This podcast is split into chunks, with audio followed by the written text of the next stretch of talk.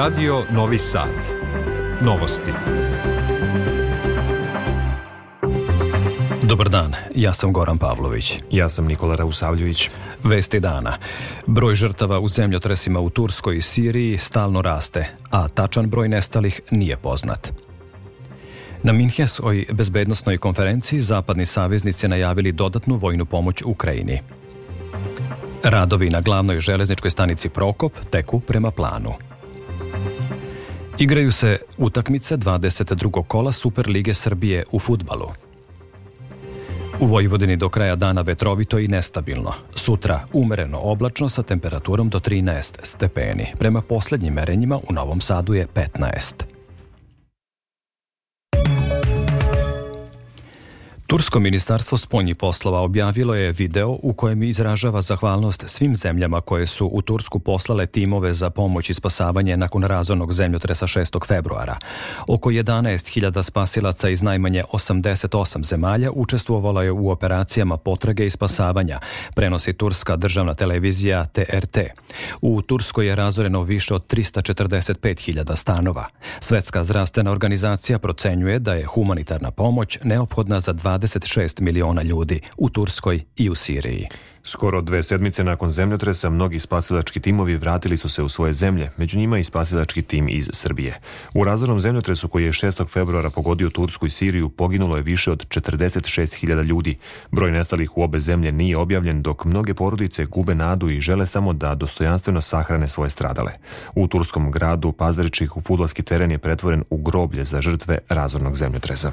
I Crveni krst Gračanica priključio se humanitarnoj akciji prikupljanja pomoći ugroženima u zemljotresu koji je pogodio Tursku i Siriju. O tome Milica Stojanović. Na inicijativu humanih ljudi sa centralnog Kosova i Crvenog krsta pokrenuta je akcija prikupljanja pomoći.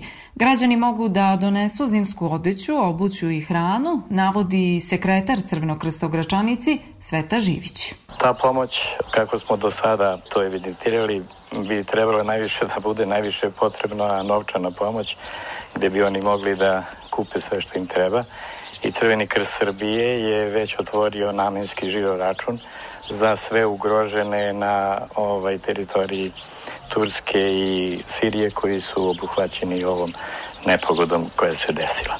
Crveni krst Gračanica trudi se da ispuni sve što je definisano programom rada, dodaje Živić.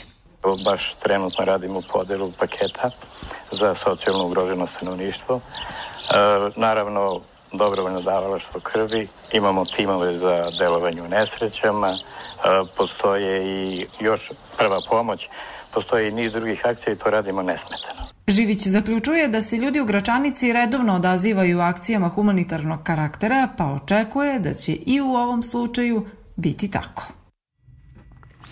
Radovi na izgradnji glavne železničke stanice Prokop napreduju, uverio se prilikom obilaska radova predsednik Aleksandar Vučić. Poručuje da se završetak radova očekuje krajem oktobra. On je Prokop obišao u oči polaska na sutrašnji sajem vojne opreme u Abu Dabiju.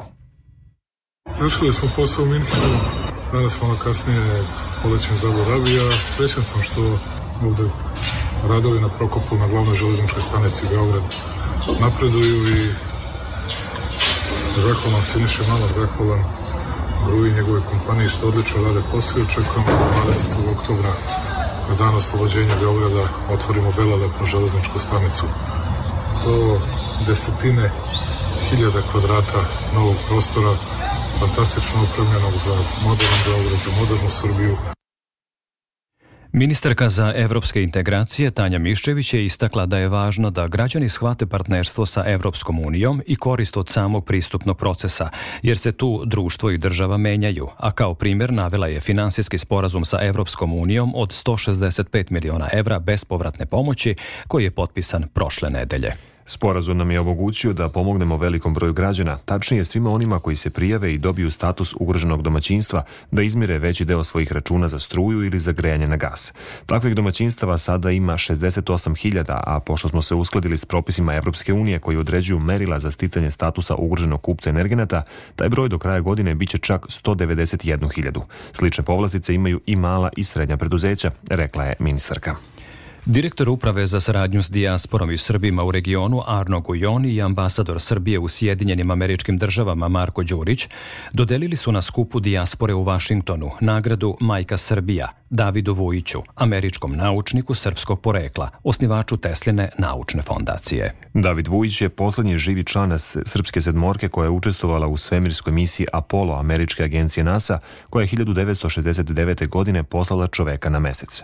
Vujić se, osim doprinosima nauci, istakao i svojim humanitarnim aktivnostima, naročito nakon NATO bombardovanja Jugoslavije, kada je vodio humanitarnu organizaciju koja je pomagala Srbima, saopštila je Uprava za saradnju s dijasporom i Srbima u regionu. Vestima iz sveta dodajemo. Istočni ukrajinski regioni Luganski i Harkov suočili su se sa novim napadima sa ruske strane uz pomoć novih boraca za koje deluje da su zamenili pripadnike Wagnera, saopštili su lokalni ukrajinski vojni lideri. Rusija je osudila izjave predsednika Francuske Emanuela Macrona o neophodnom porazu Rusije u ratu sa Ukrajinom. Američki državni sekretar Anthony Blinken upozorio je Peking da ne šalje oružje Moskvi, inače će biti posledica. SAD su prvi put zvanično optužile Rusiju za zločine protiv čovečnosti u Ukrajini. Premijer Velike Britanije Rishi Sunak rekao je da je London spreman da podrži sve saveznike ukoliko mogu sada da pošalju borbene avione u Ukrajini.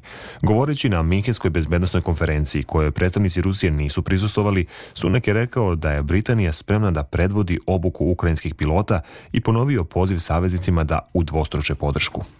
Sedmu nedelju zaredom više od 100.000 Izraelaca izašlo je sinoć na ulice kako bi protestovali protiv vladinog plana za reformu pravosuđa, najavljenu za naredne dane. Centralni događaj je održan u Tel Avivu, gde je prisustvovalo oko 100.000 ljudi, a nekoliko stotina demonstranata je blokiralo autoput Ajelon, sat vremena. Vladajuća koalicija se priprema da predstavi prve elemente paketa za reformu pravosuđa kroz prva od tri neophodna glasanja u ponedeljak, nakon što ih je prošle nedelje progutala kroz parlamentarni odbor. Organizatori protesta su proglasili ponedeljak nacionalnim danom borbe kada će se drugu nedelju zaredom okupiti veliki broj ljudi ispred parlamenta, a demonstracije su najavljene u brojnim gradovima. Broj poginulih u ciklonu Gabriel na Novom Zelandu popeo se na 11, a nekoliko hiljada ljudi se i dalje vodi kao nestalo, kada je vremenska nepogoda pogodila severno ostrvo te zemlje. Ciklon je pogodio najseverniji region Novog Zelanda 12. februara i spustio se duž istočne obale, nanoseći veliku štetu. Premijer Chris Hipkins nazvao je Gabriel najvećom prirodnom katastrofom Novog Zelanda u ovom veku. Hipkins je naveo da je moguće da će biti još žrtava, jer se 6431 osoba vodi kao nestala, dok je za 3216 prijavljeno da su na bezbednom.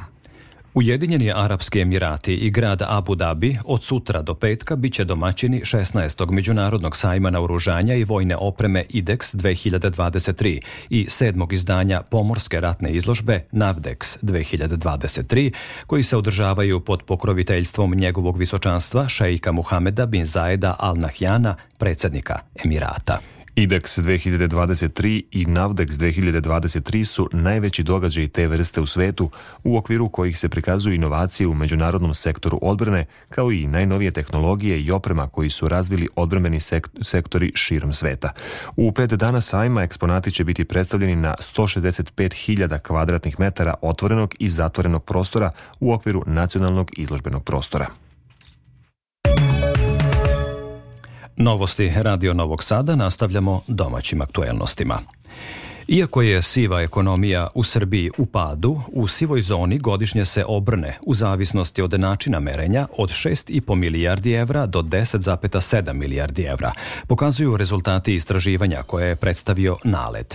Procene su da je svako četvrto preduzeće uključeno u sivu ekonomiju, a angažovanje radnika na crno i isplata dela plate na ruke i dalje su ključni elementi nezakonitog poslovanja.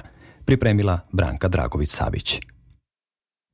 Istraživanje pokazuje trend pada sive zone sa 22,2 na 20,1 od 100 BDP-a u proteklih pet godina, ali i da ukupna vrednost poslovanja mimo zakona i sive i crne ekonomije dostiže skoro 11 milijardi evra godišnje, istakao je Marko Danon iz Naleda. On je objasnio da je procena obima sive ekonomije rađena po dva metoda, od kojih prvi uključuje samo registrovanu privredu, a drugi sivu ekonomiju meri računajući i neregistrovana preduzeća. Percepcija obima sive ekonomije kod formalno registrovane privrede pokazuje da u tom formalnom delu privrede postoje dva osnovna elementa. Veći element je sve što je vezano za rad. Negde oko dve trećine takve sive ekonomije se odnosi na rad, na neprijavljivanje radnika, na ono kad se plaća u koverti, a negde oko jedne trećine neprijavljivanje profita. Najviša siva ekonomija je u građevinarstvu i u poljoprivredi. Kako pokazuju podaci, nekih oko 20% preduzeća u tim sektorima je uključeno. Angažovanje radnika na crno i isplata dela plate na ruke i dalje su ključni elementi sive ekonomije, istakla je profesorka Ekonomskog fakulteta Gorana Krstić, Dve trećine sive ekonomije čine neprijavljene zarade.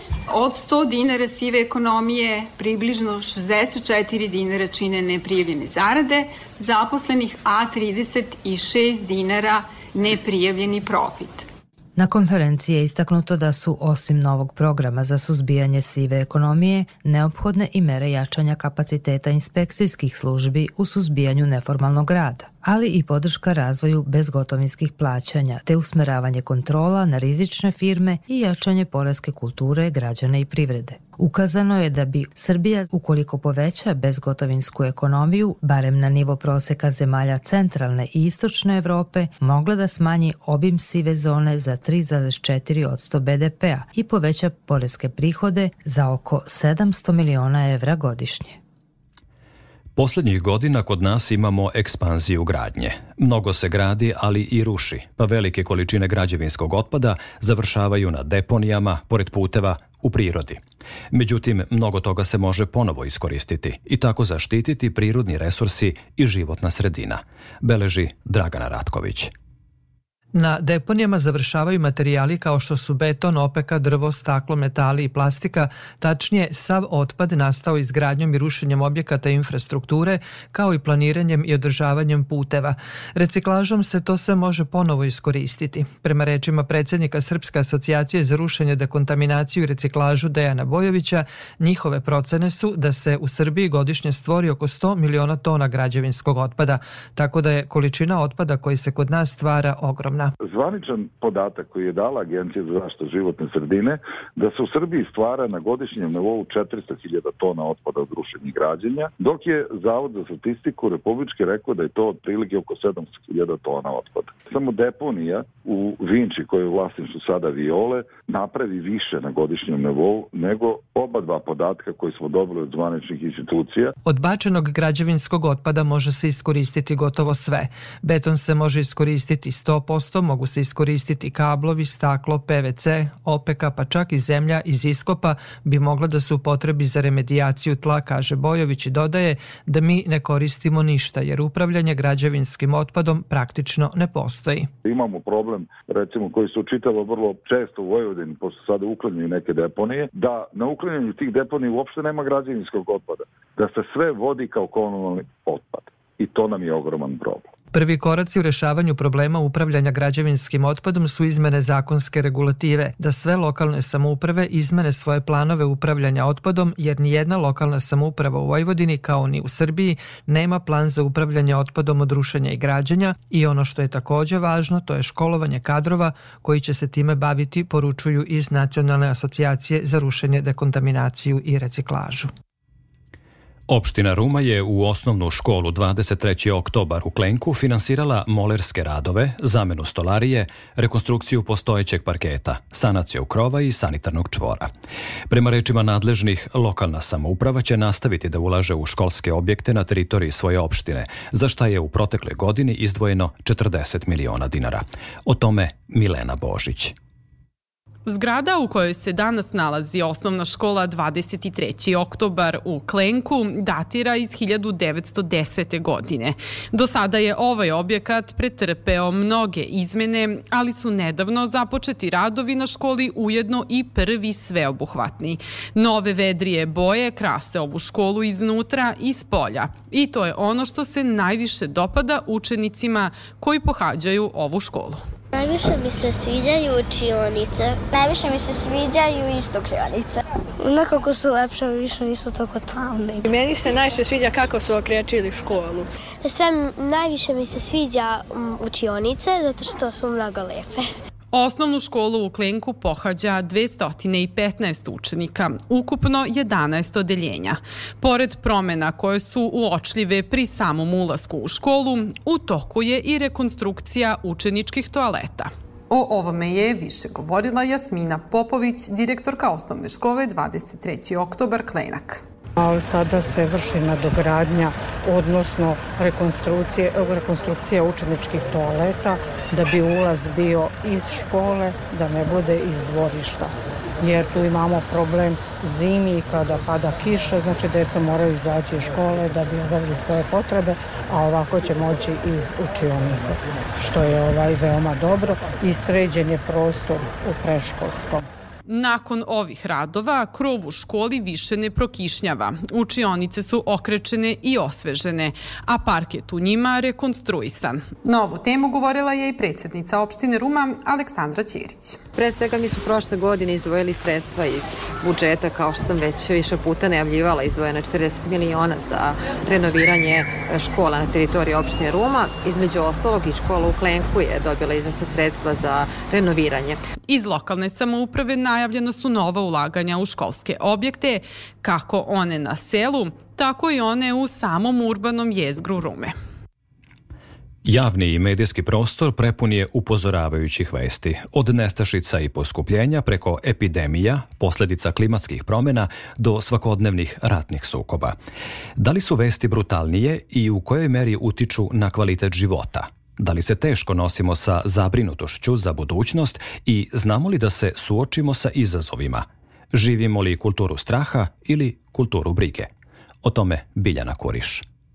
Profesor dr. Žolt Lazar, sociolog na Filozofskom fakultetu u Novom Sadu, govoreći na temu straha kao društvenog fenomena i koliko nam stalna upozorenja menjaju pogled na svakodnevicu, tvrdi da nisu vesti krive, već da je današnja stvarnost brutalnija, a vest senzacionalistička. Taj trend senzacionalizma je naravno sve prisutan i raširen, svaki novi medij još dodaje onda na to, na taj senzacionalizam. Međutim, mi sad zaista imamo jednu situaciju društvenu i na svetskom i na dakle, globalnom, regionalnom, pa i na našem, da kažem, državnom nivou, koja jeste za brigu, nažalost to moram da kažem, ali nije za paniku. Više smo mogli da utičemo na našu sudbinu 90. godina, mada nam se to sad ne čini tako, nego što sad možemo da utičemo. Osnovni društveni trend je blagostanje zajednice, a ono se projekcijom budućnosti narušava, objašnjava profesor Lazar. Smatra da su moderna društva češće zagledana u budućnost. Društva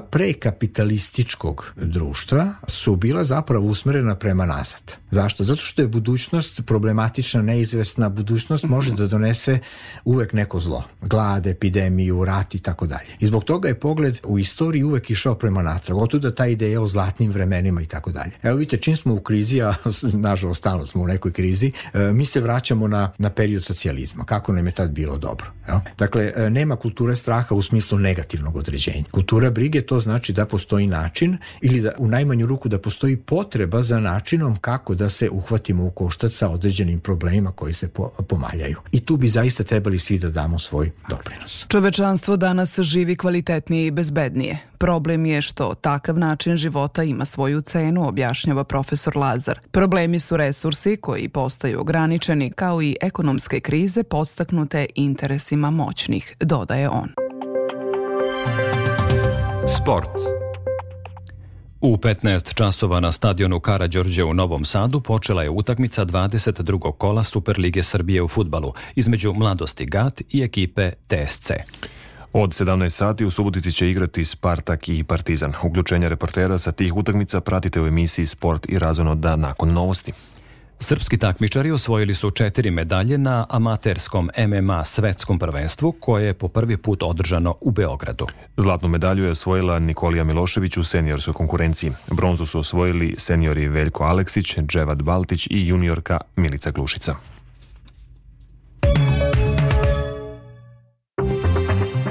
Pred kraj emisije podsjećanje na najvažnije vesti.